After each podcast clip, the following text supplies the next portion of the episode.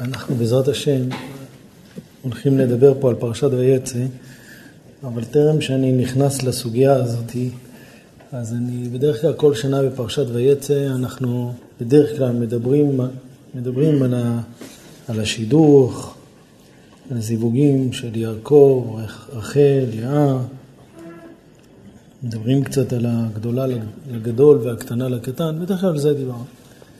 עכשיו אני רוצה לדבר אה, סוגיה חדשה, באמת היא לא לגמרי ברורה, אבל בעזרת השם זכות הציבור וזכות הרבנים, ש... שתוך כדי הדברים יהיה בזה ביאור. אז אני אתחיל ככה, יש פה כמה דברים שצריך לעורר אותם, כמה שאלות, ומתוך השאלות האלה בעזרת השם אה, אה, יגרום, זה יעורר אותנו שנצטרך להבין מה לא ברור, זה ההקדמה. אז אני אתחיל. יעקב אבינו, בעצם הוא קיבל ברכות מיצחק, והברכות שיעקב אבינו קיבל זה וייתן לך אלוקים ויטל השמיים ומשמני הארץ וכו'. אחרי שיעקב אבינו קיבל את הברכות האלה, הגיע עשיו, ועשיו אמר לאביו, הוא אמר לו, אבא, הברכה אחת, מה איתי? תן לי ברכה אחת. אז הוא אמר לו, בא אחיך במרמה ולקח את ברכתך, את בכורתי לקח. ו... זאת אומרת, בעצם יעקב, יצחק אבינו אומר לעשו, היה אפשרות לברך אותך, אבל, אבל את הברכות לקח אותם כבר, לקח אותם כבר יעקב. עכשיו, לא, זה, לא רק את זה הוא אומר. כי מה, מה, יש ברכה אחת? זאת אומרת, אם ככה, אז היה... היה נחרב כל עולם הקבלת קהל, כי יש ברכה אחת. יש ברכות לכולם, יש זמן בכל עת ובכל שעה. יש עד אין סוף ברכות. מה, מה זה הדבר הזה? אז הוא אומר לו שבירכתי, בסדר, אפשר גם לברך אותך. מה יש... אה, אגב, הרבי איציק לבלגיה, שהוא היה קודש קודשים, דור של יום, אני שמעתי את הסיפור הזה מאבא, אבא סיפר שהוא היה, היה ממש עושה ניסים גלויים. ומסופר עליו שכשהיו באים לבקש ממנו ברכה, אז הוא היה ממש מבטיח שיהיה בן זכר. יום אחד הגיע אל המשפחה שלא היה להם ילדים הרבה זמן, ביקשו ברכה, אז הוא אמר, היום את כל הבנים חילקתי, יש בנות. ככה. דברים שלהגיד אותם צריך להבין באיזה דרגה צריך להיות. אבל על כל פנים, אז, אז יצחק אומר לעשו, נתתי לו את הברכות. מה זה נתתי לו את הברכות? אז תיתן עוד ברכה. מה, יש מקום לשניים, יש מקום לכולם. אז רש"י מסביר כאן שיעקב אבין, שיצחק אמר ככה, תשימו לב. הוא אמר, ואין יצחק אביו. ויאמר לעשו, הן גביר שמתיו לך, ואת כל אחיו נתתי לו לעבדים. ולך איפה מה אעשה בני? מה זה? אומר רש"י, ברכה זו שביעית היא. כשיצחק בירך, אז הוא בירך בעצם בעשרה ברכות. עשרה ברכות זה ויתן לך אלוקים, ויתן לשמיים, שמוני הארץ. ומתוך הברכות שבירך יצחק את יעקב, יש שם ברכה שהוא אמר, שהוא אמר בברכה הזאת, יעבדוך עמים, וישתחוו לך לאומים, הווה גבר לאחיך, עד לאחיך, וישתחוו לך בני אמך וכו'. אז אומר יצחק, ככה אומר יצחק ליעקב, לעשו, תשימו לב, זה משהו באמת עמוק. הוא אומר לו, אני אברך אותך, אבל מה יעזור שאני אברך אותך? למה? כי הרי בעצם אני מיניתי את יעקב שהוא הגביר, שהוא האדון, ואתה בעצם עבד שלו. וכל ברכה שאני אברך אותך, מה שקנה עבד קנה רבו, הכל יחזור חזרה ליעקב. אז זה לא שאין לי עוד ברכה, יש, אפשר לתת ברכה בלי סוף, אפשר לברך גם את זה וגם את זה וגם את זה. אבל פה, כשאני בירכתי את יעקב, אני לא בירכתי אותו שיהיה לו מיטה לשמיים ושמני הארץ וכו', אני בירכתי אותו שאתה, כל קניין שיהיה לך בעולם, אתה עשו וכל, וכל משפחתך וכל העם שלך, כל ברכה שתהיה לך, היא תחזור חזרה ליעקב. אז מה אני יכול עכשיו לברך אותך? מה אני אברך אותך? אני אברך אותך שיהיה לך שפע, אבל זה לא יישאר אצלך, כי מה שקנה עבד קנה רבו, זה עובר חזרה ליעקב. אין, אין לי מה לעשות איתך. הוא בכה, ויאמר עשיו אל אביו, הברכה אחת היא לך ויברכני, התחנן אליו לעוד ברכה. והיה נצחק אביו ויאמר אליו הנה משמני הארץ יהיה מושבך ומיטה לשמיים מעל. הוא בירך אותו בסוף. אז מה, מה הוא בירך אותו? בירך אותו שמשמני השמיים יהיה מושבך ומיטה לשמיים, אבל יצחק אבינו רגע לפני הסביר שהוא לא יכול לברך אותו, שלא יעזור שהוא יברך אותו. כי גם אם הוא יברך אותו, הכל יגיע חזרה ליעקב. אז מה הוא אומר אחרי שהוא בוכה? מה זה עוזר שהוא בוכה? בסדר רבותיי? זו קושייה ממש עצומה. נחזור על זה עוד פעם. כשיעקב אבינו התברך, כשיצחק בירך את יעקב, מה יעקב קיבל? יעקב קיבל שאין מציאות בעולם שיהיה לעשו איזה קניינים בעולם. כי הוא אמר ליעקב אבינו, הן גביר שמתיו לך, אתה תהיה הגביר. וכל קניין וכל אפשרות, כל איזה חטינצה, כל איזה משהו ששייך, ש... ש... שעשו יקבל איזשהו קניין, הכל יעבור חזרה, מה שקנה עבד קנה רבו. מה זה המושג של מה שקנה עבד קנה רבו?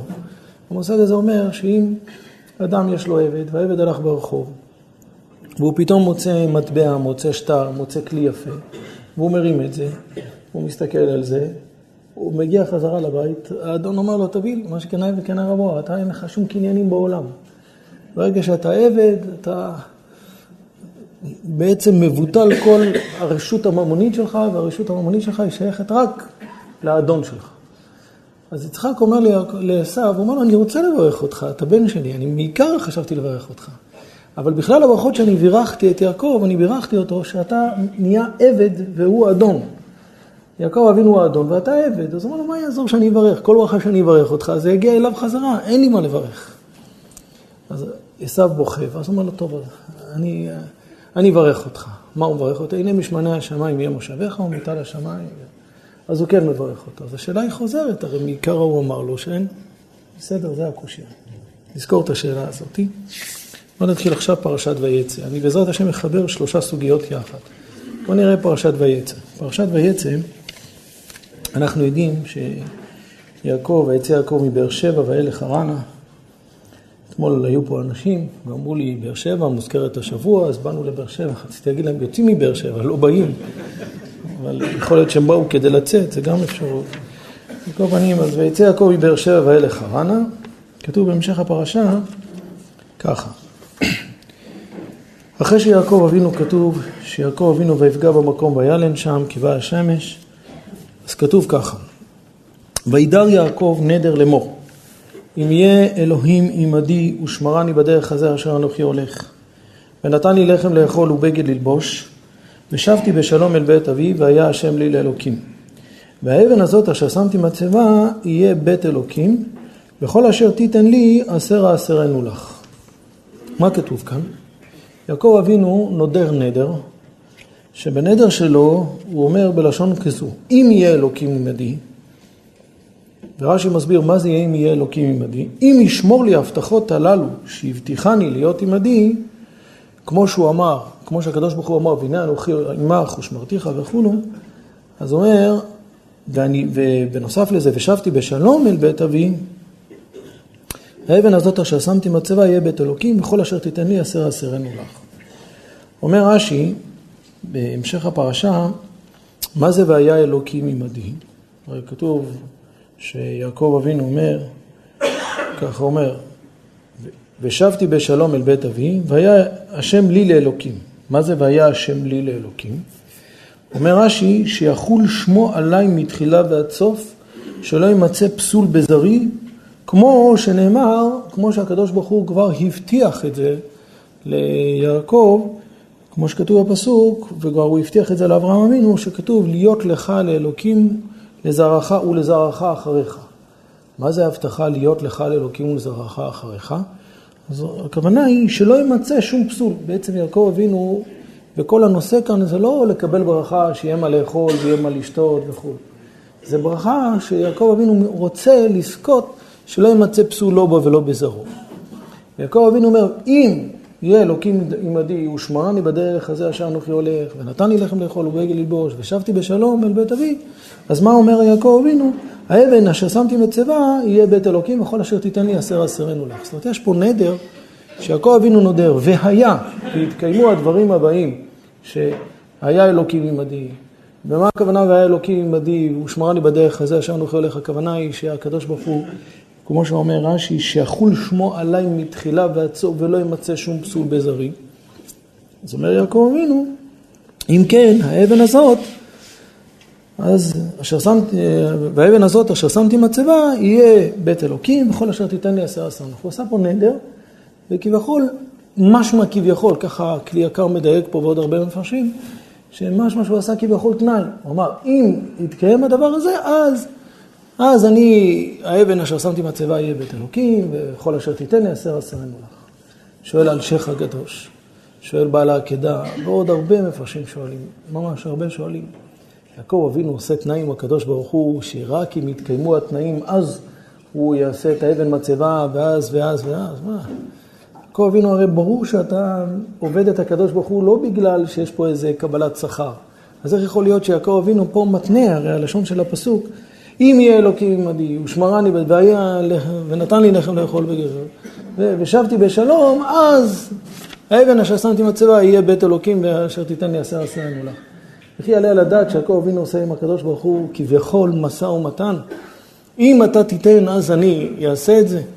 אבל לכאורה יעקב אבינו עבד את הקדוש ברוך הוא והוא, והוא האמין בו והוא הסכים להכל לא בשביל תנאים וקבלת שכר או לקבל איזה הטבות שהן. אז זה דבר שצריך להבין את זה. ועוד דבר שצריך להבין, שכתוב בפסוק, ושבתי בשלום אל בית אבי, והיה השם לי לאלוקים. מה זה ושבתי בשלום אל בית אבי והיה לי לאלוקים? אז אומר רש"י, והיה לי, והיה השם לי לאלוקים, שיחול שמו עליי מתחילה ועד סוף. איפה זה כתוב? והיה, והיה השם לי לאלוקים משמע, שהקדוש ברוך הוא יהיה האלוקה שלי, שיהיה בורא עולם כביכול. איפה משמע? והיה השם לי לאלוקים, שהכוונה היא שיהיה מתחילה ועד סוף. ומה זה הכוונה זה מתחילה ועד סוף? פשטות, שלא יימצא פסול לא בו ולא בזרעו. זה, זה, הוא מבקש הבטחה לזה. אני רוצה לשאול במאמר מוזכר, הרי אנחנו יודעים שהכל ב, בידי שמיים, חוץ מיראת שמיים, חוץ מצינים פחים ויראת שמיים. מה הכוונה? יש דברים שזה תלוי באדם עצמו, שאם האדם עצמו ישמור את עצמו, אז הוא יזכה, שהוא לא ייכשל. יעקב אבינו אומר שלא ימצא פסול לא בו ולא בזרעו, הוא רוצה הבטחה לזה והוא עושה על זה תנאים. בעזרת השם נראה מה יהיה עם זרעך, אם זרעך ישמור את עצמו, ואם זרעך יעבוד את השם, אז הוא יזכה, ואם לא, מה, מה שייך לקבל על זה הבטחה? רבותיי, השאלות הן קצת קשות, אנחנו נחזור על זה עוד בהמשך, וננסה להבין את הסוגיה הזאת. אז אנחנו כאן צריכים להבין בסוגיה הזאת, נחזור שוב, שאנחנו רואים שיעקב אבינו מציב תנאים, אז צריך להבין את זה. ודבר שני שצריך להבין, מה בעצם התנאי שהוא רוצה, שמה, שלא ימצא פסול בור בזרעו, ומה זה... זהו. דבר אחרון, יש, זאת אומרת, בהמשך לזה, עוד נקודה, יש מדרש. כתוב במדרש ככה, כתוב במדרש, ושבתי בשלום אל בית אבי, תשמעו את לשון המדרש, רבי יהושע דסיכנין בשם רבי לוי, נטל הקדוש ברוך הוא שיחתן של אבות ועשן מפתח לגאולתן של בנים. הקדוש ברוך הוא לקח את השיחה של האבות הקדושים, והשיחה הזאת זה נהיה בסיס לגאולה העתידה שצריכה להיות. מה יש שם? אמר לו הקדוש ברוך הוא, אתה אמרת, והיה השם לי לאלוקים. חייך כל טובות וברכות ונחמות שאני נותן לבניך, איני נותנם אלא בלשון הזה, שנאמר, והיה ביום ההוא יצאו מים חיים מירושלים. ועוד, ועוד נאמר, והיה ביום ההוא יוסיף השם שנית ידו לקנות את שאר עמו. ועוד פסוק מביא מהנביא, והיה ביום ההוא יטפו הערים עסיס. ועוד פסוק, והיה ביום ההוא ייתקע בשופר גדול.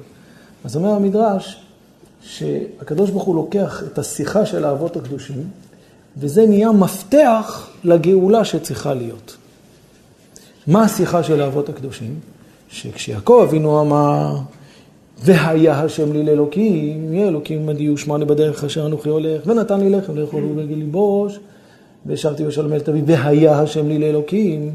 אז בגלל שיעקב אבינו השתמש בלשון והיה השם לי לאלוקים, אז הקדוש ברוך הוא אומר לו, עכשיו הדיבור שלך הזה, המילים שלך האלה, זה יהיה מפתח לכל הגאולות שעתידים להיות לעם ישראל. ובכל הגאולות תהיה את הלשון הזה של והיה, והיה ביום ההוא ייתקע בשופר גדול, והיה ביום ההוא יצאו מים חיים, ועוד לשונות שכתוב כאן, והיה ביום ההוא יוסיף השם שני וכולי וכולי. אז משמע מהמדרש, ודאי שזה לא פשוט, אבל משמע מהמדרש, בגלל שיעקב אבינו משתמש במילים של והיה השם לי לאלוקים, אז כשיהיה את הגאולה, אז זה יהיה בלשון של והיה. ברור שזה לא... בגלל שהיה את הלשון הזה, אז יש את הלשון הזה. ודאי שיש פה עומק מאוד גדול. האמת היא שמי שפותח את הסוגיה הזאת, הקופונים, אני חיפשתי ממש הרבה, אבל מי שפותח את זה מנסה להסביר פה, לא מנסה, מסביר פה דברים עמוקים, זה השפת אמת, אבל מלבדו לא מצאתי מישהו ש... שפותח את ה... זאת אומרת, שנכנס לעומק הזה של הסוגיה. אנחנו יודעים, אני רוצה לתת דוגמה כדי שנבין, אנחנו יודעים שכשהקדוש ברוך הוא שלח את משה רבנו לגאול את עם ישראל, אז כתוב שמשה רבנו אמר לקדוש ברוך הוא, כי מאז באתי לדבר אל פרעה בשמך, הרע לעם הזה והצל לא הצלת, אז הקדוש ברוך הוא אמר לו, אתה תראה אשר אעשה לפרעה, כי ביד חזקה ישלחם, ביד חזקה יגרשם מארצו. ואז כתוב, אז ישיר משה. אומר המדרש, באז משה רבנו בא בטרוניה, כי מאז באתי לדבר אל פרעה, ובאז הוא קילס לקדוש ברוך הוא, אז ישיר משה. ואז בזמנו הסברנו שזה לא שמשה רבנו אמר, מאז שבאתי לפרעה, אז, אז ישיר משה, אלא הסברנו שככה גם הרבה מסבירים את זה, שכביכול משה רבנו אומר, אתה שלחת אותי לגאול את עם ישראל, מהרגע שבאתי נהיה בדיוק ההפך. אומר הקדוש ברוך הוא למשה, חכה, אתה תראה איזה שלב שאתה תבין שהצורה של הגאולה זה מגיע בגלל העז הזה של כי מאז באתי לדבר אל פרעה. ואז הסברנו את זה, אני לא רוצה עכשיו להאריך בזה, אבל אז הסברנו בזה ש... את הקשר בין הדברים. עכשיו כאן אנחנו רואים במדרש שבגלל שיעקב אבינו אמר כזה תנאי לקדוש ברוך הוא ונדר, וידר יעקב נדר, אם יהיה אלוקים עמדי ואם ואם ואם שמרני ונתן לי וכולו, אז והיה השם לי לאלוקים. הקדוש ברוך הוא אומר לו, אתה אומר כזה לשון של והיה השם? אז הגאולה שתהיה לעם ישראל תמיד זה יהיה בצורה כזאת של והיה, והיה ביום ההוא ייתקע בשופר, והיה ביום ההוא יוסיף השם לעקב, והיה, והיה. אז צריך להבין את זה, זהו. אז איך מבינים את זה? תכף אנחנו נפתח את הסוגיה הזאת, תכף נפתח את המילים, אבל אני רוצה ברשותכם להוסיף עוד נושא אחד, יש פה שלושה נושאים שצריך למצוא את החוט המקשר. הנושא הראשון זה מה שדיברנו על הברכות, אני חוזר על זה בכוונה כדי שנאחז ראש. הברכה הראשונה, הנושא הראשון שפתחנו בנושא הברכות, שאחרי, ש... שאחרי שיצחק בירך את יעקב, הגיע עשיו, ועשיו ברכה אמר לו, אבא תברך אותי. ויצחק אמר, יצחק אבינו אמר לעשיו, מה אני יכול לברך אותך? אני כבר בירכתי את, את יעקב. אז הוא אמר לו, אה, אז הוא אמר לו מה, מה, מה היה שם? הוא אמר לו, אני אמרתי לו, הן גביר שמתיו לך. מה זה הן גביר שמתיו לך? אומר רש"י, זה בעצם הברכה השביעית מתוך העשר ברכות שבירך יצחק את יעקב. אבל בברכה השביעית הזאת, זו ברכה שבעצם היא מעידה על כל הברכות כולם, שבעצם כל הברכות של יעקב הפכתי אותו לגביר, ואותך שמתי לעבד. ואותו שמתי לאדון, ואותך שמתי לעבד, אז מה יעזור שאני אברך אותך? כל ברכה שאני אברך אותך, היא תעבור חזרה ליעקב. ככה אמר, ככה אמר יצחק לעשו. אז עשו בכה, והוא ביקש, אבא, בכל אופן, תנסה. אז, אז יצחק בירך את עשו ואמר לו, משמונה השמיים יהיה מושביך, ומיטה לשמיים וכו'.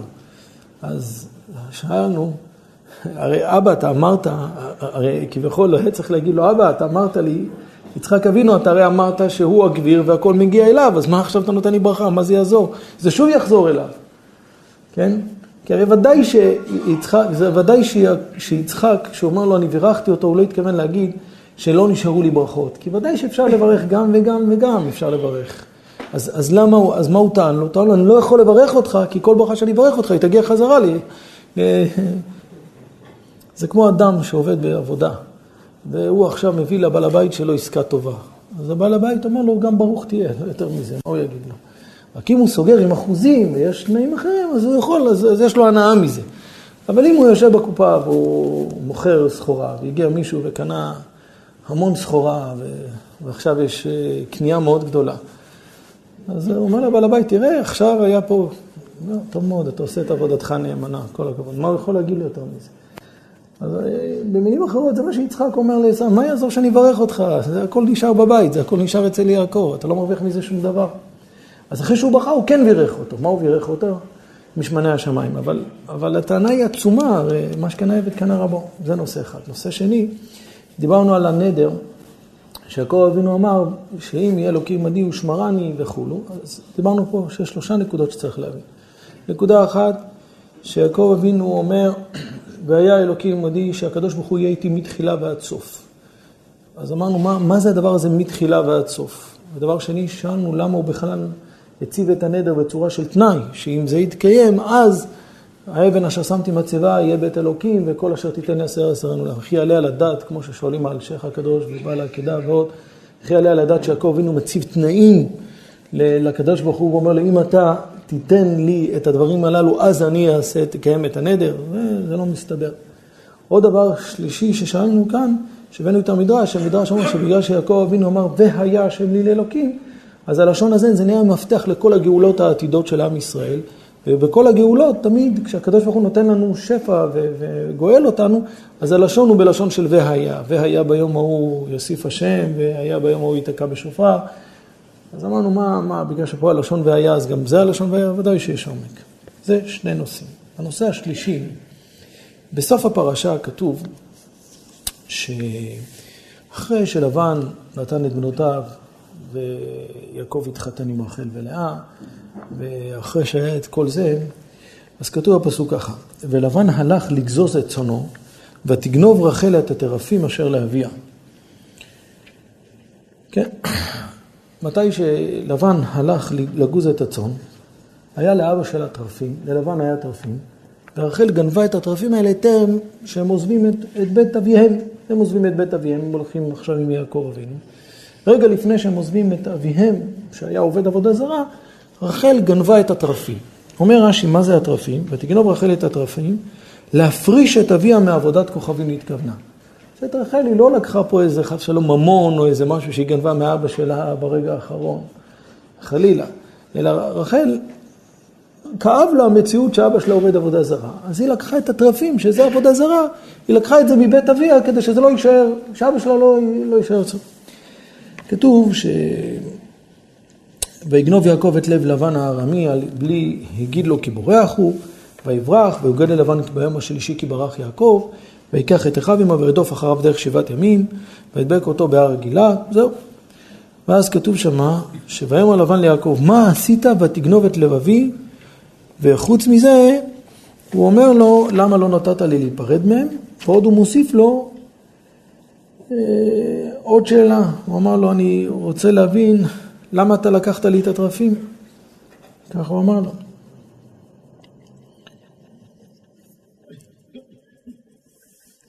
אז כתוב שהוא נכנס והוא התחיל לחפש את הטרפים האלה, ואחרי שהוא חיפש את הטרפים, כתוב ככה, זה לשון הפסוק. ורחל לקחה את הטרפים ותשימם בחר הגמל, ותשב עליהם, וימשש לבן את כל האוהל ולא מצא. ותאמר אל אבי אל יכר בעיני אדוני.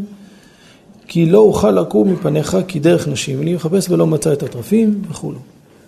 כתוב שלבן רדף אחרי יעקב ואחרי בנותיו, והוא התחיל לחפש את הטרפים, את העבודה הזרה, והוא לא מצא את זה, עבר מהאוהל הזה לאוהל הזה ולא זה, ורחל ישבה על הגמל, ובעצם היא החביאה את הטרפים שם, והיא אמרה לאבא שלה תירוץ כזה משונה, היא אמרה לו, אני לא יכולה לקום מהגמל בגלל שכוח נשים לי, ו... ו... ולמעשה היא זאתי ש... שלקחה את הטרפים עליו. עכשיו ברשותכם אני רוצה לשאול שאלה. הטרפים זה עבודה זרה. יש בזה איזה יוקרה, זה הדבר הכי פשוט, זה, זה פסל, זה אבן. זה, אז מה, מה לבן, מה לבן יוצא מדעתו, הולך דרך שבעת ימים, ואומר, גנבתם לי את הטרפים, ולא, הבנות לא נפרדו ממני, ולקחת אותם כי ישבו את חרב. על מה הוא, על מה הוא רדף אחריו? הוא רדף אחריו בשביל להחזיר חזרה את הטרפים. הטרפים האלה זה, זה עבודה זרה, עבודה זרה שלבן נמצא החוצה לשדה, ייקח כמה אבנים, ושוב, היא... יביא את הילדים של הגן ויבנו לו פסל מאוד יפה ויחזור חזרה לעבוד, מה צריך בשביל זה לרדוף אחרי, לעשות עסק מזה, מה כבר לקחו לך, מה? אז המדרש תנחומה מסביר שזה לא אבנים כפשוטו, זה משהו אחרת לגמרי. מה זה הטרפים? מה זה העבודה הזרה הזאת? אומר המדרש תנחומה, זה נמצא בפר... בפרשה שלנו, פרשת ויצא, בפרק י"ב, אני אקרא אותו, הוא אומר ככה, הוא אומר, אלא טרפים, למה נקראו טרפים? לפי שהן מעשה טורף, מעשה טומאה. כיצד?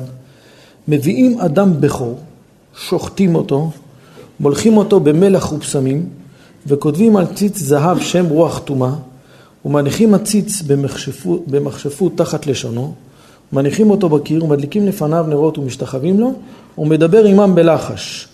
זה שאמר הכתוב כי הטרפים דיברו עוול, לפיכך גנבה אותם רחל.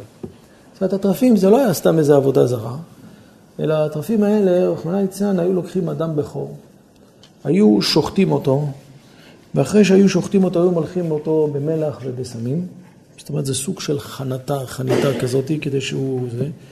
וכותבים על ציץ זהב שם רוח טומאה, ומכניסים תחת הלשון שלו את השם של הרוח טומאה הזאתי, ומניחים אותו בקיר, ומדליקים לפניו נרות ומשתחווים לו, ואז מה היה?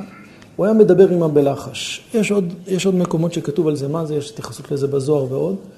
מה שכתוב שבעצם הפסל הזה, זאת אומרת הטרפים האלה, הם היו אומרים, היו מדברים, אומרים את כל העתידות שיכולות להיות. זאת אומרת, מי שהיה עומד מולם והיה מדליק נרות ומתחיל לעבוד אותם, הטרפים האלה היו מתחילים להגיד, יהיה ככה, ויהיה ככה, ויהיה ככה, ויהיה ככה.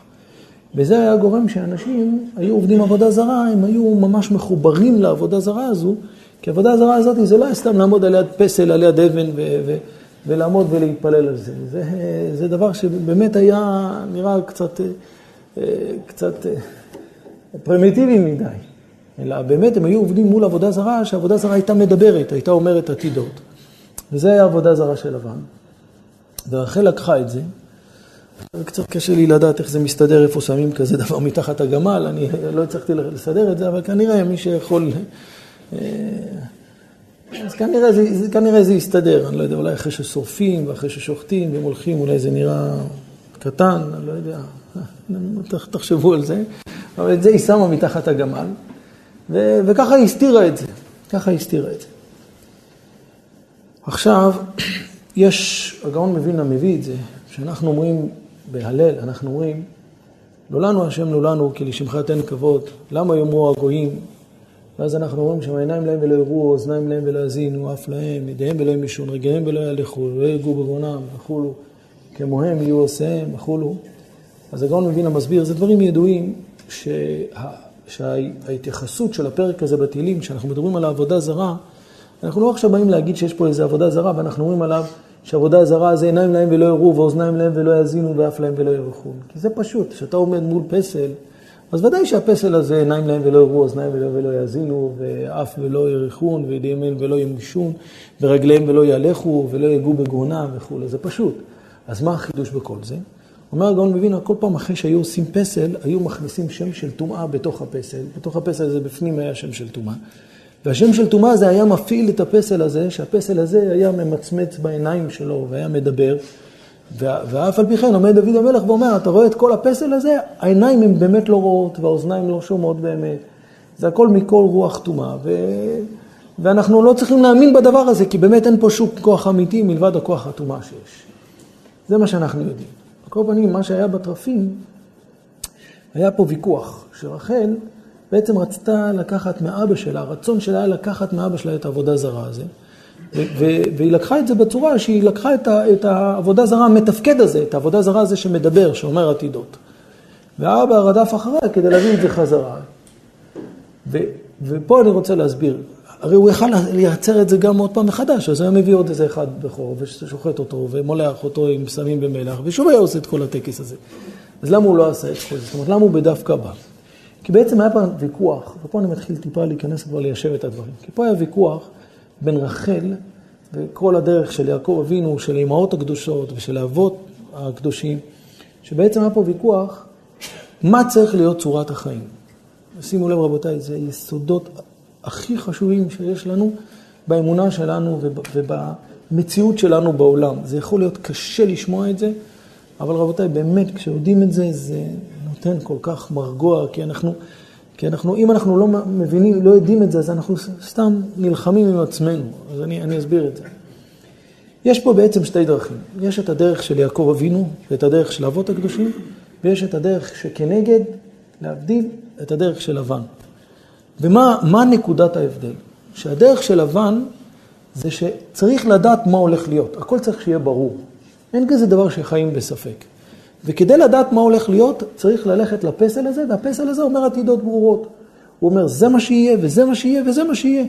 ואדם יודע מה יהיה בהתאם למה שהוא שומע מהפסל, כי הפסל הזה אומר עתידות, כי הכוח טומאה הזה אומר עתידות, וכל הכוח טומאה זה כל המציאות שלו, שהוא אומר דברים ברורים, ואדם חי לפי דברים ברורים, הוא לא חי בצורה שהוא לא יודע מה עתיד להיות. הוא יודע הכל מראש.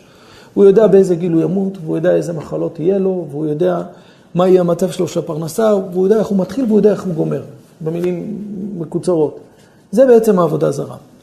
כנגד יש את הדרך של האבות הקדושים, שזה אברהם, יצחק ויעקב, כנגד זה יש את הדרך של משה ואהרון, וכל מנהיגי האומה הקדושים שלנו, שהדרך שלהם, שאין כזה דבר שאני יודע מעכשיו איך זה מסתיים. אני רק יודע מה יש היום. אני אף פעם לא יודע מה עתיד להיות. שום דבר, אין מציאות כזאת. כל המציאות של יהודי, וזו המציאות שלו האמיתית, שהוא יודע רק מה, מה קורה איתו עכשיו, הרגע הזה, מה יהיה עוד יום ומה יהיה עוד שנה, הוא לא יודע, גם ביחס לפרנסה שלו, גם ביחס לבריאות שלו, גם ביחס למיקום שלו בעולם וגם ביחס לביטחון שלו, שום דבר, יש דברים מסביב שצריכים שהם יהיו מדין ההשתדלות, אבל היא לא קשורה למהות החיים. מהות החיים שלנו זה שאנחנו תלויים בידיו של הקדוש ברוך הוא ואנחנו מחכים כל רגע לקבל הוראה. בדיוק. זה להבדיל אלף אלפי הבדלות, סליחה שאני נותן כזה דוגמה, אבל זה בדיוק כמו שאדם עומד בפקק והוא לא יודע כמה זמן יהיה הפקק והוא לא יודע אם יש איזה כביש שאפשר לרדת, הוא צריך לחכות כל הזמן להוראות מה שהוא יקבל באותו רגע. ועכשיו יגידו לו, תרד לכביש הזה, ועכשיו יחזירו אותו חזרה, ואז פתאום הוא אומר, בשביל מה הורידו אותי והעלו אותי? מה, אז הייתי נשאר פה. אבל זה, זה בדיוק המציאות של האדם שנמצא בעולם. הדרך של לבן והדרך של העבודה זרה זה שיש את הטרפים, והטרפים זה מלשון דבר שהוא טורף, מה הכוונה? לא טורף עם ט' אלא עם תורפה, מלשון שיש מקום להכניס, מה הכוונה? שהכל כנוס מראש, שהכל ידוע מראש, שהכל ברור. זה כבר ביד שלי, אני יודע מה יש פה, וזה הדרך של העבודה זרה. הדרך של העבודה זרה, אני יודע את התוכנית. להבדיל, אדם הולך לבנות בית, אז הוא יודע את התוכנית, הוא יודע מה צריך לבנות. אצל, אצל, אצל זה, זה הדרך של העבודה זרה. ומה הכוונה הוא יודע? הוא יודע הכל לפרטי פרטים, בלי שום שינוי שיכול להיות באמצע. כי עבודה זרה, היא אומרת את כל העתיד שיכול להיות. רחל באה ולקחה מאבא, מאבא שלה את זה, היא כביכול אמרה, רחל אמרה ללבן, זה בעצם היה מסר, אבא זה לא הדרך בחיים, הדרך בחיים זה להיות תלויים בהשם יתברך ולחכות כל רגע להוראה שלו ולברכה שלו ולמציאות שלו. אם נעצור רגע, נראה שזה בעצם, אם אנחנו ניקח לדוגמה את המן שהיה במדבר, מה היה במן במדבר? ולקטו העם דבר יום ביומו, למען אנסנו ילך בתורתי אם לא. מה זה בעצם המציאות הזאת? שהמן שהיה במדבר, הצורה שהקדוש ברוך הוא רצה לתת לנו את השפע, זה בצורה שאנחנו יודעים רק מה אוכלים היום. ואם אדם שמר את זה, זה הביש והעלה תולעים. רק בשבת הקדוש ברוך הוא נתן שמירה מיוחדת שירד ביום שישי מנה כפולה, גם ליום שישי וגם ליום שבת, אבל מלבד זה, אם אדם היה לוקח אוכל של יום ראשון והיה שומר מנה גם ליום שני, אז ביום שני כבר לא היה כלום, זה הכל היה מבאיש והכל היה תולעים. אלא כל יום נקטו העם דבר יום ביומו, וזה הצורה של החיים. מה הצורה שהיא לא הדרך של הקדוש ברוך הוא? כמו שהקדוש ברוך הוא הכיל את הנחש ואומר לו, ועפר תאכל כל ימי חייך. אומר המדרש, אומרת הגמרא, עולה לגג מזונו עמו, יורד מזונו עמו, מה פשט? המציאות האחרת שיש, זה המציאות של נחש, שנחש הוא כל הזמן מסודר, הוא אין... עכשיו, כש, כשאני אומר את זה, אני רוצה לחדד. וכשאנחנו אומרים שלמען אנסינו, הילך בתורתי אם לא, ולקטו עם דבר יום ביומו, הכוונה היא שהמציאות הזאת היא קיימת אצל כל עם ישראל. אין יהודי בעולם שלא קיים אצלו את המציאות הזאת של דבר יום ביומו. מה פשוט? גם אדם שלכאורה נראה שיש לו יכולת כלכלית, וגם אדם שנראה שהוא מסודר כלכלית, אבל אין קשר בין זה לבין המציאות, מכיוון שיש הרבה דברים בעולם שהם יכולים לעשות שינויים שברגע אחד הוא יכול להפסיד את ממונו, וברגע אחד הוא יכול להפסיד או לעשות השקעה לא נכונה, או שההשקעה שלו תלויה בחסדי שמיים, או אלף ואחד דברים. וזה אני לא יודע כל כך להגיד עכשיו את כל הדוגמאות, אבל זה פשוט שזה כך, שבכל המערכות בעולם, כל המערכות הגשמיות, זה למען אנסינו אלך בתורתי אם לא. וזו המציאות של אברהם, יצחק ויעקב, זה הדרך שהם יקנו לנו. כנגד זה יש את הדרך של לבן, וזה הדרך של עבודה זרה, שהם... אחרי ההקדמה הזאת, אני רוצה ברשותכם להתחיל ליישב קודם כל את הסוגיה של יעקב, ואני חייב בשביל זה לקרוא את, ה... את השפת אמת. השפת אמת אומר פה יסוד, ועם זה הוא מיישב את כל הסוגיה הזאת. ואחרי זה, בעזרת השם, אנחנו ננסה להסביר את זה עוד פרטים בעניין. אני קורא את לשונו של השפת אמת. אני אגיד את זה קצת בעל פה. שפת אמת אומר שיעקב אבינו בעצם אמר, אם יהיה אלוקים עמדי ושמעני בדרך אשר אנוכי הולך ונתן לי, ושבתי בשלום אל בית אבי, והיה השם לי לאלוקים.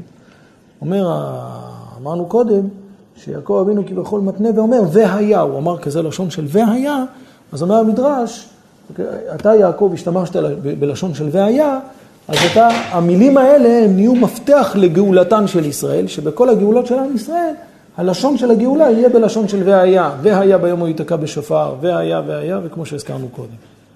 אומר שפת אמת, מה זה ה"והיה" הזה? מה זה, מה זה והיה השם לי לאלוקים? אומר שפת אמת שכל מקום שיש עוד ו' בתחילת המילה, היא יכולה או להפוך את הדבר מהווה לעתיד, או להפוך את הדבר מעתיד להווה. לדוגמה, שכתוב, ויאמר אלוקים יהי אור, ויהי אור. אז שכתוב, ויאמר אלוקים יהי אור, הכוונה היא דבר שעתיד להיות. ויאמר אלוקים יהי אור. שכתוב ויהי אור, מה זה? נהיה כבר. אז זה נהפך מעתיד לעבר. אז האות ו' שינתה, אם כתוב יהי, זה הכוונה היא שעכשיו, שעתיד להיות, אבל ברגע שאתה מוסיף ו' בראש מילה, אז אתה הפכת את זה מעתיד לדבר שכבר נהיה. ויאמר אלוקים יהי אור, ויהי אור. אז הו' הפכה את זה. אבל יש מקרים אחרים. מה המקרים? כמו שמביא השפת אמת. אם אתה אומר היה, זה משמע דבר שהיה כבר, היה. אבל אם אתה אומר והיה, והיה ביום ההוא ייתקע, זה דבר של עתיד. אז כשכתוב את המילה יהי, זה משמע דבר על עתיד. כשאתה מוסיף ו' ל"ויהי", אתה הופך את זה לעבר. כשאתה אומר היה, זה דבר שהוא עבר, אבל אם אתה מוסיף את המילה ו', זה פה עושה הפוך. בסדר? הו' יכולה להפוך דבר או מעתיד לעבר או מעבר לעתיד. יעקב אבינו אומר לקדוש ברוך הוא, אם יהיה אלוקים עמדי, ושמרני בדרך אשר אנוכי הולך, והיה השם לי לאלוקים. והיה. כשכתוב והיה, זה משמע לעתיד לבוא. מה זה הדבר הזה והיה? רבותיי, זה כל כך נפלא, וזה כל כך מתאים לימים האלה, לתקופה הזאת. אני אנסה להסביר את זה עד איפה שידי מגעת. אני באמת אומר שאני לא יכול להסביר מדי, מכיוון שכבר כתוב בחז"ל שאנחנו לא יודעים להבין את זה. אבל ננסה, ננסה מה שאפשר לקרב את זה לאוזן, מה שאפשר, וכמובן אני אחזור לקרוא את לשונו של השפת אמת, אבל אני חייב להזכיר גמרא שבטח כולם מכירים אותה. יש גמרא בפסחים בדף נ עמוד א', הגמרא אומרת ככה, אמר רב אחא, אמר רבי אחא בר חנינא, לא כעולם הזה, העולם הבא. העולם הזה על בשורות טובות אומר ברוך הטוב והאמיתי, ועל בשורות רעות אומר ברוך דיין האמת. לעולם הבא כולו הטוב והמיטיב כולו הטוב והאמיתי. כתוב בפסוק, והיה השם למלך על כל הארץ, והיה, עתיד להיות, והיה השם למלך על כל הארץ, ביום ההוא יהיה השם אחד ושמו אחד. זאת אומרת, הגמרא, אטו העידנא, השם לא אחד ושמו אחד. זאת אומרת, והיה השם למלך על כל הארץ, ביום ההוא יהיה השם אחד ושמו אחד. אז שואלת הגמרא, מה זה והיה ביום ההוא השם אחד ושמו אחד? אטו העידנא, השם אחד הוא לא שמו אחד. גם עכשיו השם אחד ושמו אחד, אז מה אתה אומר רק שהיה ביום ההוא יהיה השם אחד ושמו אחד. שאלה ברורה. אז אומרת הגמרא, יש הבדל, לא כעולם הזה, העולם הבא. בעולם הזה, אז אנחנו, כששומעים בשורות טובות, אנחנו אומרים, ברוך הטוב והאמיתים. כשאדם שומע, רחמנא ליצלן, בשורות רעות, אז הוא אומר, ברוך עדיין האמת. וזה שתי ברכות שונות. יש ברכה לטוב ויש ברכה לרע. ברכה לטוב, ברכה לבשורות טובות, אז זה ברכה של הטוב והמיטיב. אדם שומע שנולד אה, ילד, נולד בת, משהו, אז הוא אומר, ברוך הטוב והמיטיב. אדם... אה, שותה יין לפי, בתנאים מסוימים לפי הפוסקים, אז מברך ברוך הטוב והמיטיב, כי יש פה משהו של שמחה.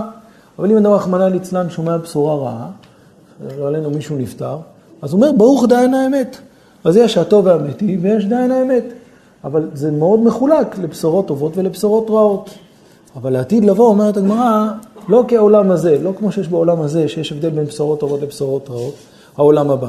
בעולם הזה זה החילוק הזה, אבל בעולם הבא, על בשורות טובות ועל בשורות רעות, הוא אומר על שניהם, ברוך הטוב והמיטיב. ככה הגמרא אומרת. אמר רב אחא בר חנינא, לא כעולם הזה עולם הבא. עולם הזה על בשורות טובות אומר ברוך הטוב והמיטיב, ועל בשורות רעות אומר ברוך דיין האמת.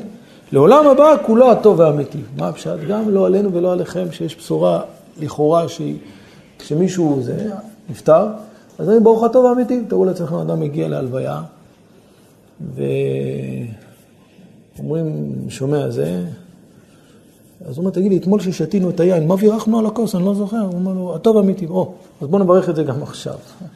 ייקחו אותו לאשפוז בכפייה, ייקחו אותו.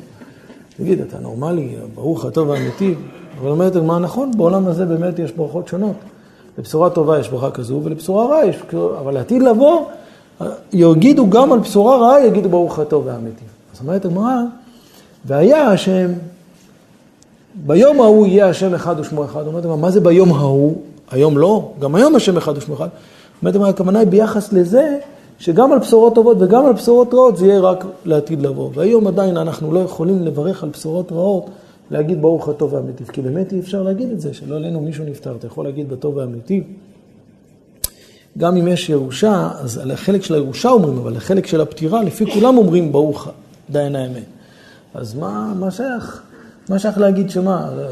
הפסוק ממש מבואר בצורה ממש ברורה, שלא כי העולם הזה העולם הבא. בעולם הזה אתה לא יכול לברך הטוב והמיטיב על הכל, ובעולם הבא אתה כן מברך.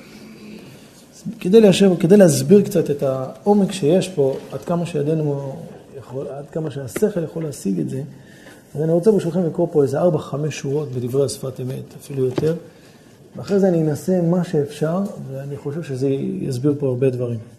זה נקרא את לשונו של השפת אמת. הוא אומר ככה, ואיתה, כי אות ו' נקרא אות אמת, והוא מידת יעקב, והקדוש ברוך הוא אחד. האמת שבחר באבות ובני ישראל את כל המתנות שנתן להם אינו במקרה. ועוד ו' מהפך התיבה מעתיד לעבר ומעבר לעתיד. איך? יהי לשון עתיד ויהי לשון עבר. היה לשון עבר והיה לשון עתיד. לרמוז כי עוד ו' שהיא כוח התורה מחבר היה הווה ויהיה. ולכן כשהתקיימו ההבטחות אז התברר למפרע כי הכל היה לטובה. ולכן נקרא הקדוש ברוך הוא הבעל הנחמות כי הנחמות של בני אדם אינו יכול לתקן כל הצער העבר, אבל הנחמה שיהיה מהקדוש ברוך הוא, יהיה מהופך כל הצער לטובה. ואגם, כי אין אנו מבינים איך יהיה מתהפך מה שעבר לפני שאנחנו בתוך הטבע והזמן, אבל לעתיד נראה ונבין זה ההיפוך לטובה. ולכן אמר יעקב, והיה השם לי לאלוקים, פירש רש"י שיחול שמו עליי מתחילה ועד סוף, כי זה הבחינת יעקב אמת, והאמין כי יחול אלקותו עליו ויהיה למפרע הכל מתוקן, וזה מפתח של הגאולה, מה שזוכים לעורר הערה מעין עולם הבא, כי מאחר שכל ההנהגה יתברר אחר כך, ממי יכול למצוא בחינת האמת בכל מקום ובכל זמן. בסדר רבותיי, מי ששמע, יש פה דברים ממש עמוקים ונפלאים וקשים מאוד, וקשה להוריד אותם לשפה פשוטה, אבל ברשותכם ננסה מה שאפשר. כתוב, אם יהיה אלוקים עמדי, מה זה אם יהיה אלוקים עמדי ושמרני בדרך אשר? מה זה אם יהיה אלוקים עמדי? למה יעקב אמר אם יהיה אלוקים? למה לא, יעקב לא אמר אם יהיה השם עמדי? למה אמר שם של מידת הדין? למה אמר והיה, אם יהיה אלוקים עמדי? היה צריך להגיד והיה עמוני עמדי. אומר הספורנו, אומר הספורנו שיעקב אבינו מבקש מהקדוש ברוך הוא שיתנהג איתו במידת הדין. אם יהיה אלוקים עמדי, יעקב אבינו מבקש שהקדוש ברוך הוא תתנהג איתי במידת הדין. אם יהיה אלוקים עמדי, האור החיים הקדוש מוסיף על זה, ממש על הפסוק הזה, אם יהיה אלוקים עמדי, אומר האור החיים שהכוונה היא ש... ככה אומר האור החיים, ברשותכם, כתבתי את לשונו, אומר האור החיים, אם מידת הדין תסכים לזה. אם יהיה אלוקים עמדי, הכוונה היא לא שהקדוש ברוך הוא יתנהג במידת הדין, אלא שמידת הדין תסכים. מה, מה זה הדבר הזה? יעקב אבינו מבקש מידת הדין. הרי אנחנו כולנו מפחדים ממידת הדין. אנחנו ראינו מצד אחד שכשיצחק בירך את יעקב, אז הוא בירך אותו במידת הדין, הוא אמר לו ויתן לך אלוקים מיתה לשמיים, הוא לא אמר לו ויתן לך עמוני מיתה לשמיים. למה יצחק בירך את יעקב במידת הדין? אז פעם הסברנו שהאלשיך הקדוש אומר שכתוב בתהילים, כתוב אלוקים יכוננו ויברכנו יאר פניו איתנו סלע. אומר אלשיך הקדוש בפירוש שלו על התהילים, אם אלוקים יכוננו ויברכנו, אז זה איתנו סלע. אם אנחנו נקבל את השפע במידת הדין, זה יישאר איתנו לנצח. כי זה לא חסדים. כשאדם עושה חסד עם השני, הוא אומר לו, תלווה לי את העט, תלווה לי את זה, אז תלמיד, תחזיר. אבל אם הוא עבד אצלך ומגיע לו שכר, ואתה נתת לו שכר, אתה לא יכול להגיד לו, תביא לי את זה חזרה, כי זה מגיע לי על פי דין. אז אומר, אומר דוד המלך, אם אלוקים יכוננו ויברכנו, אז זה איתנו סלע. אם אנחנו נקבל את הקניינים, שגם מידת הדין תסכים לכל הקניינים האלה, אז זה איתנו סלע, לפעמים אפשר לקחת את זה, כי זה מגיע לנו על פי דין, כי עבדנו בשביל זה, כי התאמצנו, כי עשינו את רצון השם. אבל אם עשו לך טובה, אז עשיתי טובה אתמול, עכשיו זה לא מחייב שאני אעשה טובה, זה לא מחייב שזה יהיה איתך לנצח.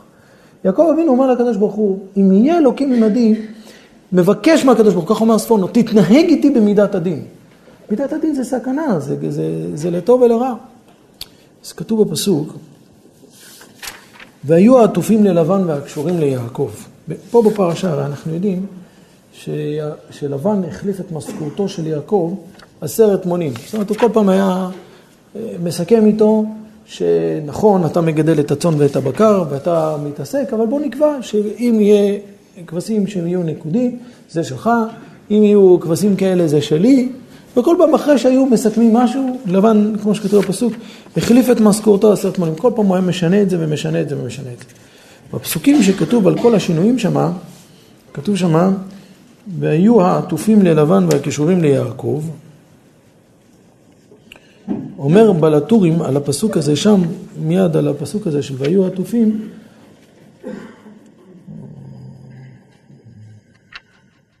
כן? הוא אומר שמה שמאחר ובעטיף הצאן לא ישים, והיה העטופים ללבן והקישורים ליעקב. אומר רש"י, אומר הבעל הטורים, סליחה, פירוש שנתן לו הכחושים שמתו ברעב. מי, בשביל שעשה יעקב דבר זה שנראה כרמאות, גרם לבניו שנתעטפו ברעב. מה זה? אז הפיר... זאת אומרת, כתוב כאן בעל הטורים, שזה, שזה שיעקב אבינו, כך כתוב, והיה בכל יחם הצאן המקושרות, ושם יעקב את המקלות לעיני הצאן ברייתים, להחמנה במקלות. ובעטיף הצאן לא ישים, ויהיו עטופים ללבן והקשורים ליעקב. יעקב אבינו עשה תוכנית, שבתוכנית הוא עשה שזה יתאים לצרכים שלו, להבטחה שלו, למה שהוא סיכם מראש עם לבן, מה שלך ומה שלי. אז הוא גרם שהצאן יתעבר ויוליד את מה שבעצם מתאים למה שיעקב צריך לקבל. אומר הבעל הטור, בגלל שיעקב אבינו עשה כזאת חוכמה, ככה הוא אומר, זה לשונו, הנה מבשביל שעשה יעקב דבר זה שנראה כרמאות, גרם לבניו שנתעטפו ברעב. מה זה הדבר הזה? אז מה, יעקב אבינו מבקש לי שהקדוש ברוך הוא ידון אותו במידת הדין, ואחרי זה הוא נענש על זה במידת הדין. כמובן צריך להסביר את זה, אבל אני רוצה להוסיף פה משהו. כתוב בפרשה הבאה, פרשת וישלח, כתוב שיעקב אבינו שלח לעשו מנחה.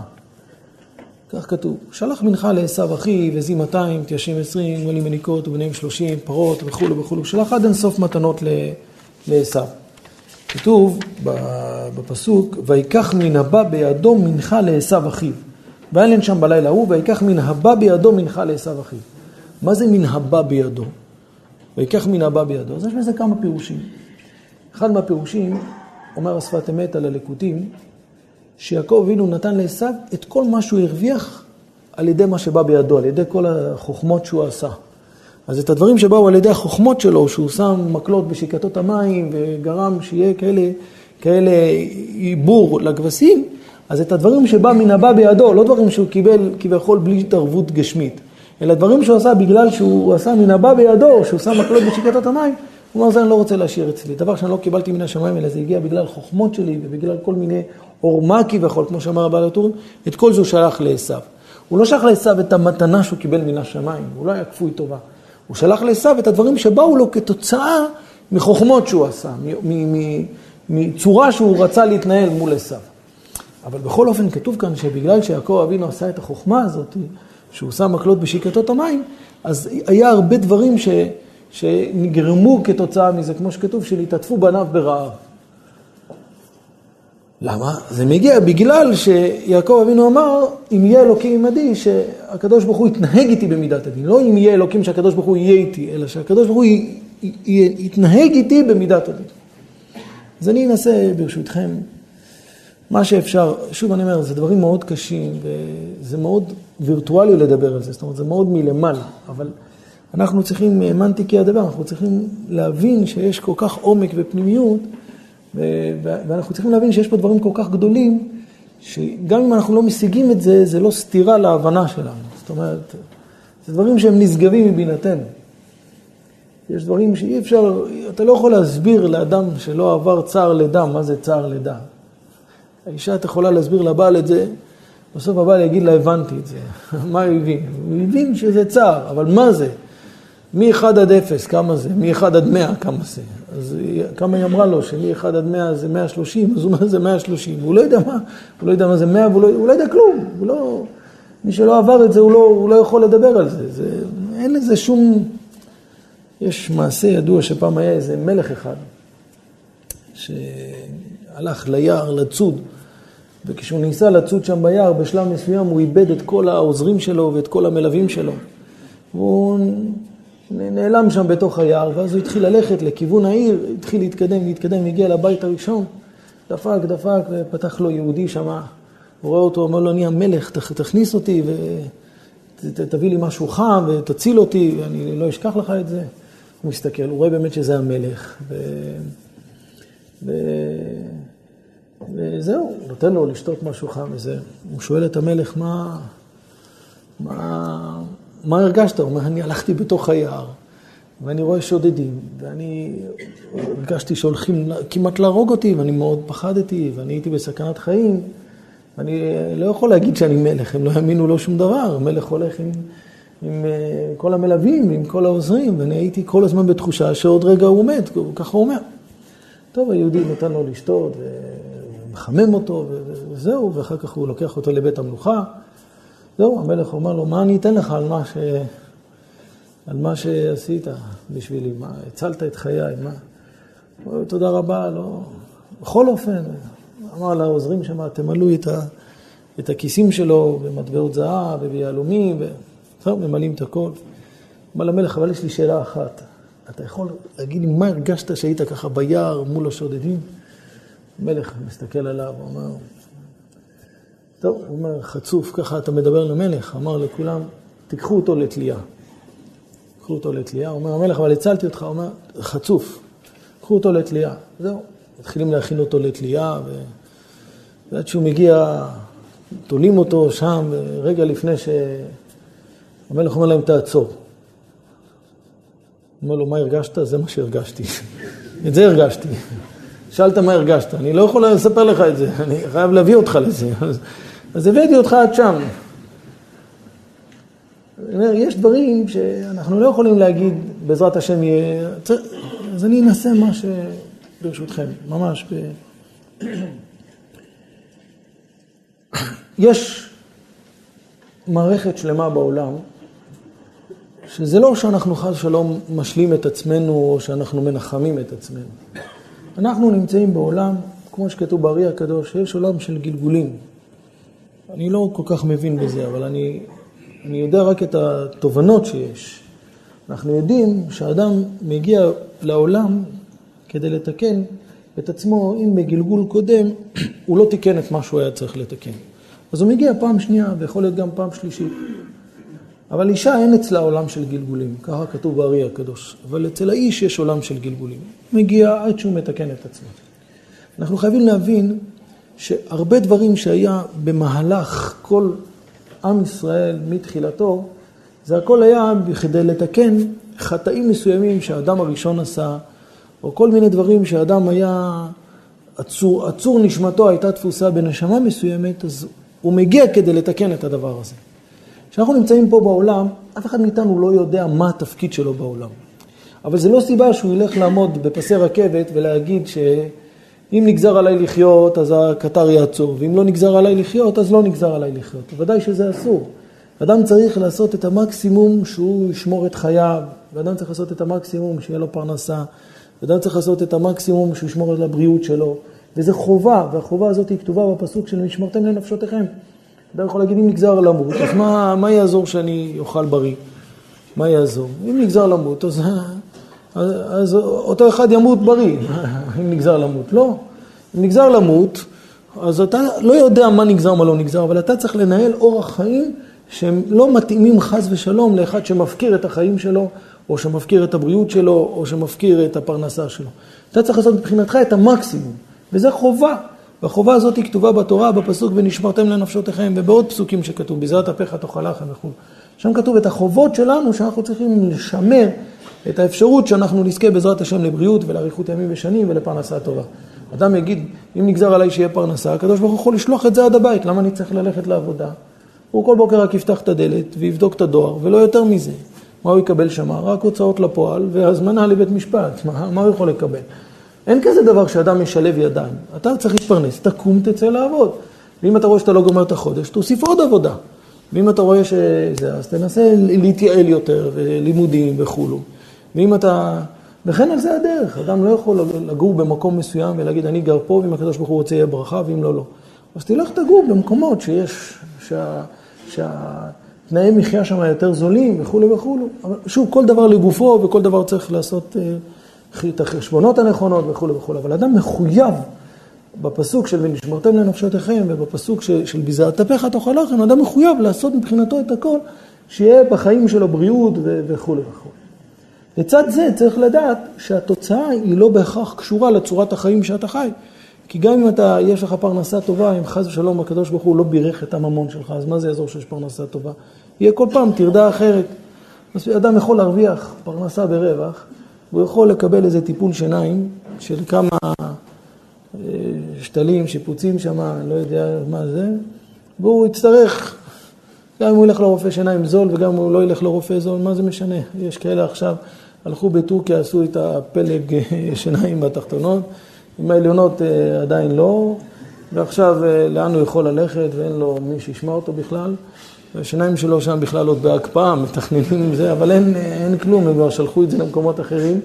אז הוא תרם כסף למדינת אה, טורקיה, אני יודע, זה, זה מה שהוא עשה. ויש כאלה שהלכו לרופאים טובים, אבל אין בזה שום כללים, אז אה, אדם יכול, זה לא קשור מה אתה מרוויח, זה קשור תמיד מה הברכה שיש לך בפרנסה. אתה יכול להרוויח משכורת מאוד שמנה, אבל אם הקדוש ברוך הוא לא מברך את ממונך, אז יהיה לך הוצאות, שההוצאות האלה, ומצד שני יכול להיות אדם שהמשכורת שלו לא כל כך גדולה, אבל הקדוש ברוך הוא שמר אותו, שיש לו שיניים שהן בריאות, וגם כשהם אוכלים את הבקטוסים והקפטוסים בעצמם, הכל, אוכלים חיידקים, לא משפיעים עליהם. מוגנות, מוגנות ירי, השיניים. אז יש ויש, יש, יש בזה כללים, וכי יעלה על הדעת. אין כללים, זה רק השאלה אם אתה מבורך או לא מבורך. זאת אומרת, אז הכמות של הכסף, הכמות של הפרנסה, היא, אין לה שום משמעות. החשיבות הוא רק האם הקדוש ברוך הוא בירך אותך או לא בירך אותך. וזה לא דבר מיסטי חס ושלום, זה האמת, כי אתה רואה שיש אנשים שהם פרנסים מאוד בכבוד, ואף פי כן הם לא גומרים את החודש, ואתה רואה שיש כאלה שלא מתפרנסים, ו... אז זאת אומרת, זה מגלה שיש פה משהו אחר. ויכול להיות אדם שיש לו הרבה ממון, אבל נכנס לו שטות בראש להשקיע בהשקעה לא טובה, ואז הוא משקיע השקעה לא טובה, וכל אחד שלו יכול לרדת לטמיון. אז מה, מה זה משנה מה שהרווחת? אז יכול להיות שאתה הרווחת, והיה לך חמש ועשר שנים מאוד יפות, אבל בסוף שמת את אה, ממונך על קרן הצבי. הכל יכול לקרות. אז בשביל זה, זה מגלה שאנחנו צריכים לעשות את ההשתדלות, ובסוף אנחנו צריכים להבין שחוץ מההשתדלות, הדבר האמיתי שיש זה ברכת השם. זה הדבר האמיתי שיש. אשר על כן, אחרי כל ההקדמה הזאת, יעקב אבינו, הוא מבקש מהקדוש ברוך הוא שהקדוש ברוך הוא יתנהג איתו במידת הדין. מה הפשט? אומר לקדוש ברוך הוא, אני רוצה שקניין שלי הוא יהיה קניין אמיתי, שהוא לא יהיה קניין זמני. איפה זה בא לידי ביטוי? כשיצחק בירך את יעקב, הוא אמר לו, ויתן לך אלוקים, כתוב שם במדרש, ייתן לך אלוהותו ויחזור וייתן. מה הפשט? רש"י מביא את זה גם כן, ייתן ויחזור וייתן. מה הפשט? הצורה שיעקב אבינו מתברך, הצורה שיצחק מברך את יעקב, הוא לא מברך אותו וייתן לך. לא, הוא לא אומר לו ייתן לך, וייתן. אומר רש"י, מה זה וייתן? ייתן ויחזור וייתן. מה הפשט? אתה כל הזמן מחובר לבורא עולם, והנתינה שקיבלת אתמול היא לא מצילה אותך. אתה צריך עוד פעם נתינה מחדש. אין בטוח. זה הצורה, זה הצורה שיצחק בירך את יעקב. הוא בירך אותו בצורה כזאת של וייתן ויחזור וייתן. וגם אם אתה חושב שיש לך קניינים המוניים שאתה לא צריך, אתה לא בטוח, אתה לא יודע שאתה לא בטוח בעצמך. בזה צריך להיות בטוחים, רבותיי, פה מגיע כל הבלבול שלנו. שאדם רואה מישהו שהוא עשיר ובעל יכולת, אז הוא אומר, תראה, הנה הוא מסודר. הוא לא מסודר, אין כזה דבר מסודר. אין כזה דבר מישהו שיושן בלילה בשקט. אין, אין כזה, אין כזה מציאות, אין כזה פיילוט. ומי שמכיר, אני אשמח, אני אשמח שתכירו לי את אותו אחד. אני אשמח. אין כזה דבר, זה לא משנה הכמות, לא משנה כמה כסף יש, זה לא משנה כמה בתים יש, זה לא משנה כמה נדל"ן יש. לא משנה כלום, זה שטויות כל זה, זה אחיזת עיניים. כי אין לאף אחד ביטחון בקניינים הגשמיים שיש לו. אין כזה מציאות, אין. זה לא משנה הכמות, זה משנה רק האמת שיש. והאמת שיש, זה רק הקדוש ברוך הוא יודע. אנחנו כל הזמן מחוברים לאינפוזיה הזאת שהיא נקראת בורא עולם, שהוא משמר אותנו בכל רגע ובכל שנייה.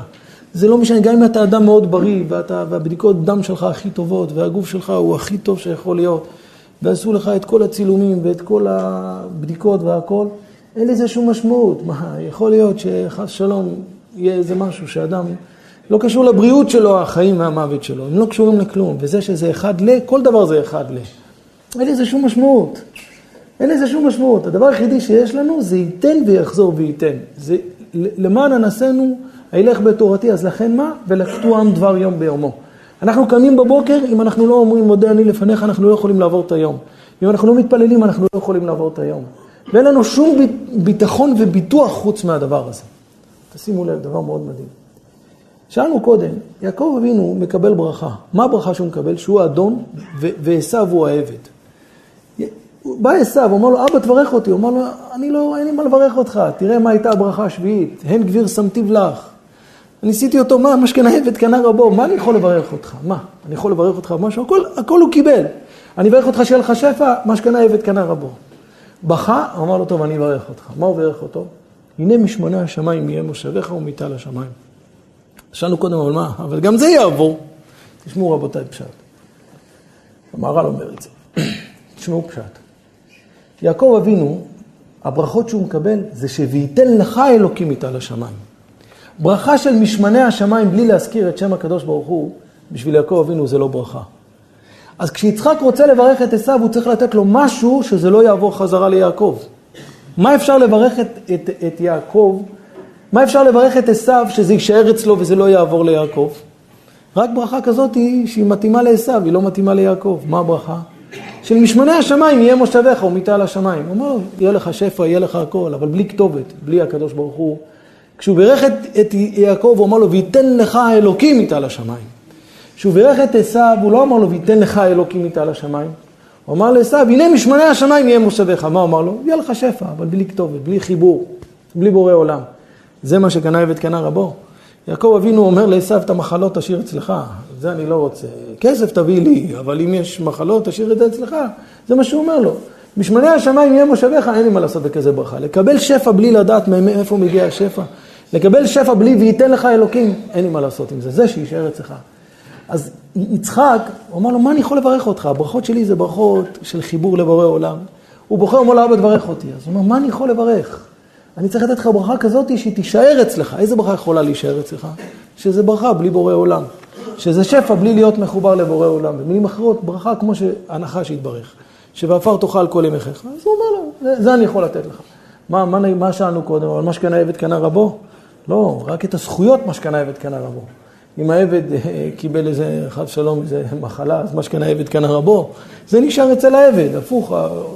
נראה לי שהם היו אז עושים כפרות עם עבדים, אם היו עושים, זה, לא, מה זה עבד? מה? זה שום דבר, זה, זה, אין, אין לו שום קניינים מצד עצמו. זה לדעתי זה דבר נפלא מאוד, זה חידוש עצום, זה, זה הערה עצומה הדבר הזה. מה ההערה פה?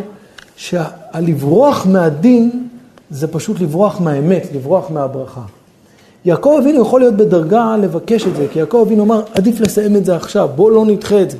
כשאדם יש לו איזה בעיה, ויש לו חום נגיד, אז הוא הולך לרופא, הוא אומר, יש חום, אז יש רופא שהוא יסודי, אז הוא אומר לו, בוא נעשה בדיקות, ננסה להבין למה זה החום. אם זה עכשיו חד פעמי, בסדר, אבל אם זה חוזר על עצמו, בוא נעשה בדיקות, בוא ננסה, בוא ננסה להבין מה המקור של הדלקת. למה יש לך חום? כנראה יש דלקת, כנראה יש משהו.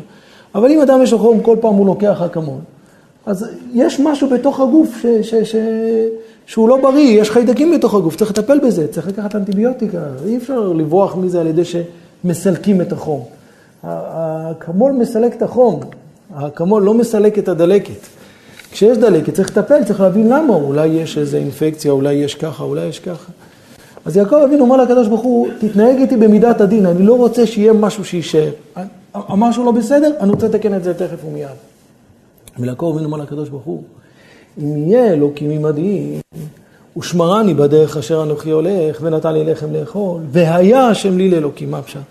אומר יעקב אבינו, אני אגיע לשלב שמה שיש עכשיו זה יתחבר לי עם העתיד ואני אבין את הכל. יעקב אבינו רוצה לחבר את, ה, את ההווה עם העתיד.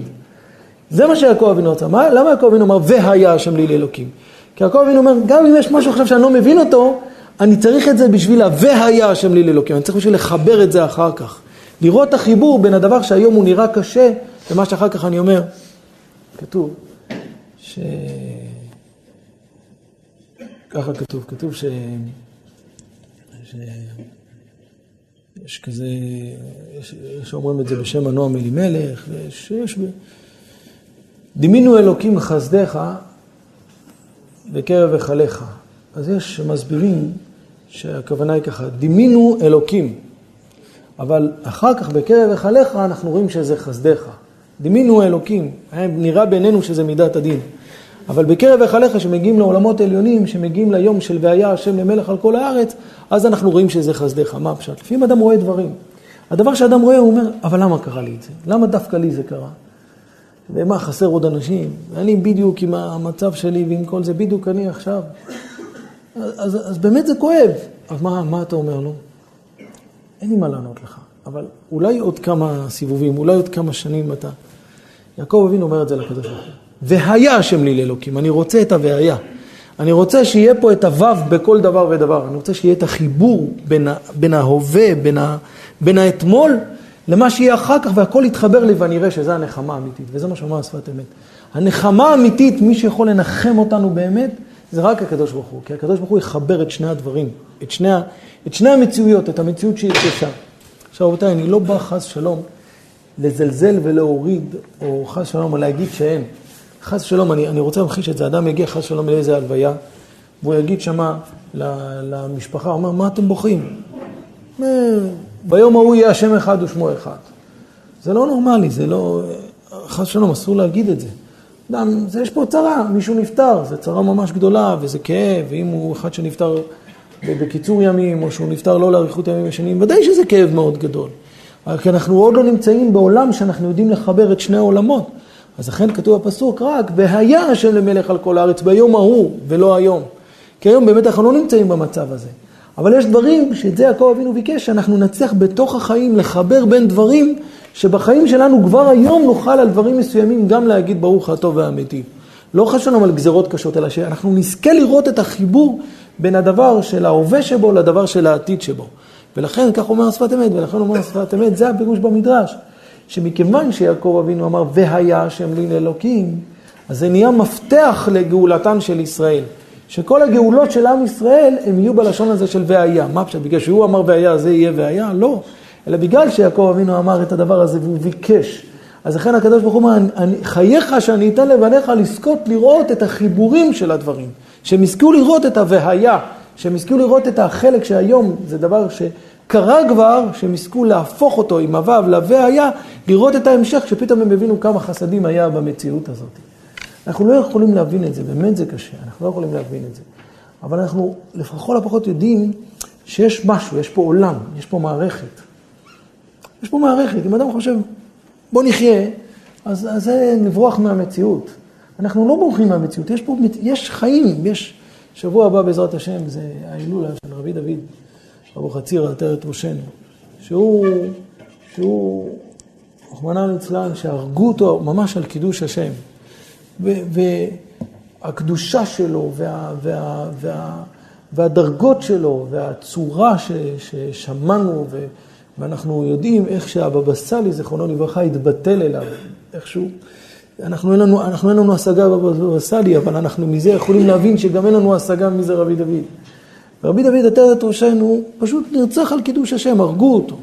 יש בכלל השגה מזה? מישהו יכול להבין מה זה הדבר הזה, שאדם כזה קדוש וטהור של, של, שלט בו יד של גוי והצליח להרוג אותו? אנחנו לא מבינים את זה. ומישהו יכול להבין את מה שהיה עם, עם רבי עקיבא, שכל כולו היה קודש ודרש כל תג וכל אות בתורה,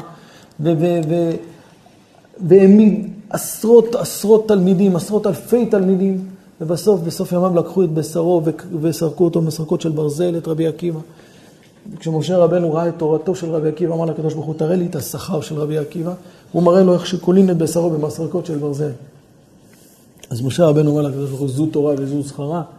מה הקדוש ברוך הוא עונה למשה רבנו? הוא לא, הוא לא מיישב לו. הוא רק אומר לו מילה אחת, שתוק, כך עלה במחשבה. מה זה שתוק, כך עלה במחשבה?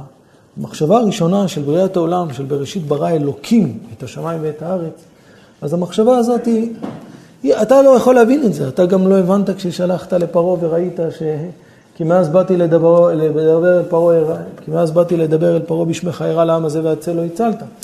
יש פה מערכות גדולות. אני עכשיו לא בא להסביר, כי גם אני לא יודע, אני בא משהו אחר לעשות. להסביר שאנחנו נמצאים במערכת, ואי אפשר לשאול שאלות על כשאתה נמצא בתוך המערכת. אז מה כן? אפשר לבקש מהקדוש ברוך הוא שלכל פחות נזכה לחיבורים, זה הכוונה, שנזכה לחיבורים, ואנחנו נזכה לראות שאם עברנו פה איזה משהו, זה כנגד חס שלום וכנגד דברים כאלה, ואדרבה, קיבלנו חיים, אז זה לא נחמת שוטים. זה לא נחמת שוטים חס שלום. אלא הפוך, זה להבין את הייעוד, לראות את ההתעלות שיש על דבר כזה. שאדם זוכה ומתעלה והוא נהיה יותר בעל מידות טובות, והוא נהיה יותר רגיש, אז הוא עבר ימים קשים ופתאום הוא נהיה יותר רגיש. אז האדם הזה בעצם אומר, אם לא הייתי עובר את הימים הקשים האלה, אז לא הייתי יודע להיות רגיש לשני. אז זה שעברתי את הימים הקשים האלה, אז אני עכשיו מרגיש מה זה הדבר הזה, מרגיש מה זה הכאב הזה, אני מרגיש מה זה החולי הזה, אני, מר... אני, אני מרגיש, אני יודע מה זה, אז, אז הוא מסור לדבר הזה. אחד שטעם מה זה, לא עלינו, ש, שיש לו ילד חטוף, או שיש לו ילד חולה בבית, או שיש לו ילד שנפטר בבית, או לא משנה, מישהו יכול, מישהו יכול לדעת מה זה הכאב הזה, הוא יודע מה, הוא יודע איך מדברים עם, עם, עם אנשים שעברו כאלה דברים, רק הוא יכול לדבר. אדם ש... ש... ועוד הרבה דוגמאות, אדם שעובר משהו, אז, אז ה, ה, ה, ה, המציאות של המאורע שהוא עבר, זה, זה לא שזה מחשל אותו, זה נותן לו כלים וזה בונה אותו, שעל ידי זה הוא נהיה יותר טוב, הוא נהיה יותר רגיש וכולי וכולי. האם אדם יבקש את זה? לא. רק אם אדם קיבל את זה, ודאי שיוצא מזה טוב. עכשיו, האם אדם יקום מחר בבוקר ויבקש מהקדוש ברוך הוא, והיה השם לי אלוקים, כמו שאמר יעקב אבינו, וכמו שמסביר הספורנו, שהוא יבקש שהקדוש ברוך הוא יתנהג איתו במידת הדין? בטח ובטח לא, אסור לנו לבקש את זה, אין לנו גם את הכלים להתנהג עם זה. ואנחנו רואים שהקדוש ברוך הוא שיתף מיד מידת רחמים, כי ראה שאין העולם יכול, זאת אומרת, אדם, העולם באמת לא יכול לעמוד במידת, במידת הדין. אז מה כן? אדם צריך מבחינתו לעשות את המקסימום, אבל אנחנו יכולים לבקש שהקדוש ברוך הוא ייתן לנו רק עיניים שלכל הפחות נצליח לצמצם ולראות קצת את החיבור בין הדבר של העבר ובין הדבר שהיה כבר לדבר שעתיד להיות ולראות את החיבור שם, וזה הפשט והיה השם לי לאלוקים. האם יעקב אבינו הציב תנאים? לא. יעקב אבינו לא מציב תנאים לקדוש ברוך הוא. יעקב אבינו אמר לקדוש ברוך הוא, ברגע שיהיה את השלמות, שאנחנו נזכה לראות דבר מתחילתו ועד סופו, ההודעה תהיה אמיתית. יעקב אבינו לא בא לדבר על התנאים, יעקב אבינו בא לדבר איך מודים לשם. אז יעקב אבינו רוצה שתהיה פה הודעה אמיתית של והיה השם לי, תו חיבור. חס שלום לחשוב שיעקב אבינו עכשיו אומר לקדוש ברוך הוא תנאים. אם אתה תיתן לי, ואם ואם ואם לא. אני רוצה להגיע לדבר הזה של מתחילה ועד סוף, מתחילת האירוע עד סוף האירוע. אני רוצה לראות את כל המציאות שיש. ואת זה הבקשה של יעקב. אני חושב לפי זה ממש שכל הדברים מיושרים. הדרך של לבן, הדרך של כל הדרך השנייה, זה דרך של עבודה זרה. מה זה עבודה זרה? זה התרפים. מה היה שם בתרפים? היה בתרפים את הדבר הבא, שאין כזה דבר להיות תלוי בקדוש ברוך הוא. הכל ידוע מראש. עומדים על יד עבודה זרה והיא אומרת את כל התוכניות. אומר בדיוק מה צריך להיות ומה לא צריך להיות. וזה נקרא עולם המזלות.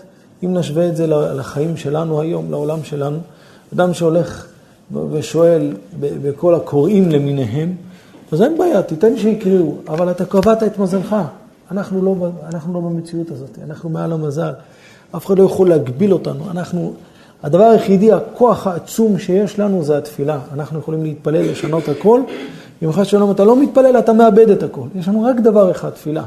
יש לך בעיה בפרנסה, תפילה, ויש לך בעיה בבריאות, תפילה, ויש לך בעיה, תפילה. ו, והתפילה היא משנה את הדבר מה, מהצד אל הצד. זהו, מקצה אל הקצה, זהו. זה צריך להתפלל. גוי וכל המציאויות האחרות אין להם תפילה, וגם אין להם אפשרות לשנות, כי הכל קבוע אליהם מראש.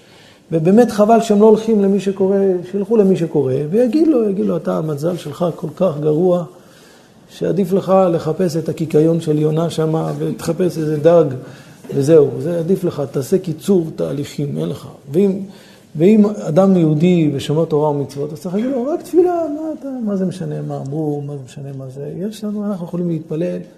ברגע אחד, תשועת השם כהרף עין, לכאן ולכאן, הכל יכול להשתנות. וזה אנחנו, עם ישראל, העם הנבחר, העם שהקדוש ברוך הוא בחר בנו. האם אנחנו העם השפל? מישהו אמר לי השבוע, אנחנו העם הכי שפל בעולם. יהודי מפחד ללכת בחוץ, הוא לא יודע מה יעשו. קודם כל, יכול להיות, חס שלום, אבל יכול להיות, אבל אני חושב שבכלל לא שפל. כל העולם עסוק כל העולם עסוק היום, ובכל מקום עסוקים עם איזה 6-8 מיליון יהודים שיש. 20 מיליון יהודים בעולם, כמה מיליארדים יש בעולם. אני חשבתי לעצמי, ככה עצבנתי את עצמי קצת, אמרתי, תראה מה, מה הפרופורציה? אתה נותן, מחזירים חטוף בעד שלושה רוצחים, למה? אמרתי, הם כל כך לא מעריכים את עצמם, שהם, שהם אומרים שהם שווים, שלושה שלהם שווה יהודי אחד. הפוך, זה מגיע מה, מהזלזול שלהם, לא מה... אנחנו כל כך חשובים, זה סחטנות, זה, זה, זה הכל נכון, יכול להיות, אני לא נכנס לזה, אבל אני מסתכל משהו הרבה יותר עמוק. מה זה העם היהודי? מה זה העם הנבחר? מה כולם עסוקים בעם הנבחר? המדינה שלנו אין לה שום, אני ככה חושב, אין לה שום דבר באמת אמיתי, רק בעזרת השם שנזכה לראות את הארץ זבת חלב ודבש. כשאתה הולך במקומות אחרים בעולם, יש לך מה לראות. פה, מה יש לך? אין לך פה לא נופים. אולי יש, אבל לא בפרופורציה שאנחנו מכירים, שמכירים. ואין אוצרות טבע, איזה אוצרות טבע יש פה? פעם רצו להביא מים מטורקיה ופעם פה. מה, מה יש פה? פה יש הרבה עכברים בבני ברק, באזור שמה. מה עוד יש? מה, מה, יש? מה יש לנו פה? מה יש לנו? יש לנו הייטק? כל ההייטק הזה קרס. מה יש בית? מה יש? אין שום דבר. אבל, ואף על פי כן מדברים. על מה מדברים על המדינה? מה? מה יש פה? נראה לי גם דגים אין פה בים, אני לא יודע, אין שום דבר, מה יש? הכל, הכל מביאים לך מחוץ לארץ, מה יש? מה יש? יש לנו את הדבר הכי חזק שיכול להיות. אנחנו העם הנבחר, ויש לנו הבטחות של ארץ זבת חלב ודבש, וכל זה נמצא בגלות, וכל זה נמצא... ב... אנחנו נמצאים בתקופה שהקדוש ברוך הוא עוד לא גאל אותנו, אבל בגלל שכולם, בגלל שכולם מדברים עלינו, וזה מראה כמה כולם יודעים שפה יש את המשהו האמיתי. אדרבה, זה מוכיח שאנחנו העם הנבחר, זה מוכיח שאנחנו לא הבזויים, ואנחנו בטוחים שהקדוש ברוך הוא עכשיו, הוא מזכך אותנו רגע אחד לפני שאנחנו נזכה באמת לגאולה האמיתית, וש, ושנזכה לראות את ה... כי שם השם נקרא עליך וירו ממך. המלחמה שלנו זה לא מלחמה של טנקים ומטוסים.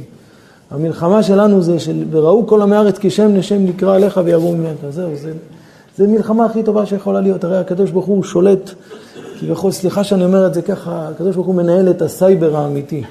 כשאדם היה עולה לירושלים לרגל, אז אדם לא היה צריך להעמיד שמירה על השדה שלו שלא יגנבו את זה, ולא צריך להעמיד שמירה על הבית שלו. כשאדם היה עולה לירושלים, היה עולה לבית המקדש, ולא יחמוד איש את ארצך בעלותך. הקדוש ברוך הוא שולט ב... ב כביכול, זה מלחמה של סייבר, יש תמיד רצון לאדם שהוא טעה והוא רוצה לקחת מדברים יפים שהוא רואה, מתי שעולים לירושלים, הקדוש ברוך הוא סוגר אצל כולם את הלא תחמוד. אף אחד לא רוצה שום דבר. אז אתה עולה לירושלים, אז איזה שמירה יש על השדה שלך? אולי יבוא מישהו ויגנוב לך מהשדה את הפירות ואת הירקות, אולי מישהו יבוא ויגנוב לך מהבית את האוצרות שלך. לא יחמוד איש את ארצך, הקדוש ברוך הוא סוגר את הלא יחמוד. שיש עולם ויכול להיות שכולם רוצים לקום עלינו, נכון, ודאי שכולם רוצים לקום עלינו, אבל מה? הקדוש ברוך הוא יכול לעשות רק דבר אחד, וירו ממכה, הוא מפחד. אבל למה? מה קרה? ממה אתה מפחד? אנחנו סך הכל 20 מיליון, ואתם בעולם מיליארדים של מיליארדים, ומוסלמים וכולי וכולו, מה? ויערו ממכה, הקדוש ברוך הוא מכניס להם פחד, ונגמר הסיפור. ודאי שאנחנו צריכים להודות לאנשי הביטחון ועל מסירות נפשם, בוודאי שאנחנו צריכים שיהיה לנו את זה, חג שלום, שאנחנו כולנו נשב ונגיד, ויערו ממכה וזה מספיק. רק להגיד את זה, אתה תאבד את הביטחון, ולא רק זה, אז באמת הם יראו לך מי ירא ממי. צריך לעשות את ההשתדלות, וזה לא קשור, כמו שאמרנו. צריך לעשות את ההשתדלות, כמו שצריך לעשות את זה על ביזת אפיך תאכל לחם, וכמו שצריך לעשות את ההשתדלות על נשמרתם לנפשותיכם, אנחנו צריכים לעשות את הכל ולעשות את זה הכי מושלם והכי מדויק. אבל אנחנו אז נזכה למתנות שמימיות, אחרי שאנחנו נוריד את החובה שלנו, של חובת ההשתדלות, אז אנחנו נזכה שהקדוש ברוך הוא ייתן לנו את המתנות האמיתיות, שיהיה ויראו ממכה, שיהיה פחד. מה היה בדור הפלגה? הם רצו להחריב את העולם על ידי דבר אחד, שהם עשו ביניהם אחדות, והמלחמה שלהם הייתה, אמרו אם אנחנו בינינו אחדות, אנחנו יכולים להכניס, להכניס עבודה זרה ולהרוס את כל העולם. איפה הקדוש ברוך הוא נלחם בהם? הם רצו לבנות מגדל ולעלות עד השמיים. הרי ודאי שזה מגוחך, אי אפשר לעשות את הדבר הזה. המהלך רק בין רקיע לרקיע זה 500 שנה. ויש לנו שבעה רקיעים אה, בכלל, ואחד שמגיעים לכיסא ולרגלי הכיסא וכו'. אין מציאות כזאת, רק מה הקדוש ברוך הוא עשה? אתם רוצים? מה הכוח שלכם? שאתם ביניכם מאוחדים, שפה אחת, הקדוש ברוך הוא בלבל אותם, ואחד הרג את השני. זאת אומרת, אנחנו לא צריכים הרבה בשביל שאנחנו נזכה לגאולה. זה דבר קטן, זה כמו שהקדוש ברוך הוא, כשעלינו לירושלים, לא יחמוד איש את ארצך, ככה הקדוש ברוך הוא יכול לעשות בכל דבר ודבר. וזה מלמד, כל הדברים האלה בעצם מלמדים, שיש פה הרבה, רק אנחנו עוד לא זוכים לעשות עוד קצת בשביל, או לא זכינו חס ושלום, עוד לא זכינו לעשות עוד קצת כדי לזכות כבר לראות את הגאולה האמיתית שהיא גאולה שמימית. וכמובן לא, לא שמימית בלי דברים חיים, שהיא גאולה שמימית שמגיעה על ידי כל ההשתדלות שצריך בכל דבר. וזה, וזה, וזה מה שאנחנו צריכים להאמין. שאנחנו נפחד, שאנחנו מפחדים להסתובב בעולם, זה המציאות של יהודי. המציאות של יהודי שהוא לא יודע מתי יהיה לו פרנסה, שקשה זיווגו, קשה פרנסתו, קשה הכל, זה בגלל הביזיון שלנו? לא, זה בגלל שזה המציאות שלנו, שאנחנו תמיד מחוברים לשם. זה לא שהקדוש ברוך הוא רוצה שיהיה לנו רע ושיהיה לנו קשה ושלא יהיה לנו, לא נהיה בטוחים בעצמנו ולא נוכל ללכת ולא... לא, אנחנו צריכים לדעת שכדי לצאת מהבית ולהגיע למקום צריך להגיד תפילת הדרך. ותפילת הדרך זה להתפלל שלא יהיה חס שלום מקרים רעים וכולו וכולו, וגם עוד דברים אחרים, ובכלל כל זה, לזכות לשמירה. ברגע שזוכים לשמירה, צאתכם לשלום ובואכם לשלום. אנחנו, אנחנו הכי שמימיים שיכולים להיות, זה העם המיוחד הזה. כל עם, אז הוא בטוח בכוחות שיש לו. אנחנו בטוחים רק בדבר אחד, בליווי האמיתי שאנחנו צריכים לקבל מהשם. וזה, וזה האמונה שצריכה לנו, וזה העבודה שצריכה להיות לנו. הגויים יש להם את התרפים. התרפים אומרים להם את כל התוכנית, וזהו, והם צמודים לתוכנית. הם יכולים לשנות את זה, הם לא יכולים לשנות שום דבר. הם יכולים רק בהתאם לתוכנית לקבל החלטות, אבל לא יותר מזה. אנחנו, אין, אין שום תוכנית. אין שום תוכנית, אין שום דבר שמאיים עלינו באמת. יש מלא איומים, אבל אין שום דבר שהוא הופך אותנו ל, ל, לאיום של החיים שלנו והאיום של הקיום שלנו. אין שום דבר כזה. יש רק דבר אחד, האם אנחנו מסתדרים עם בורא עולם או לא מסתדרים עם בורא עולם. וזהו, וכשחייל הולך ונמצא עכשיו בחזית, חיילים נמצאים בחזית ומסכנים את עצמם, הם, הם, הם מספרים כבר עכשיו על הניסים הגלויים שהם רואים. כבר עכשיו שומעים ניסים גלויים, ש, שאנחנו עוד באמצע התהליכים. וברור ש, שיש עוד הרבה דברים שהם לא יודעים מהם, כמו שכתוב בתהילים, כי גבר עלינו חסדו, הללו את השם כל גויים. כי גבר עלינו חסדו, אומרת הגמרא בפסחים, הללו את השם כל גויים, שבחו כל האומים. למה? כי גבר עלינו חסדו. אנחנו צריכים להלל, למה הם?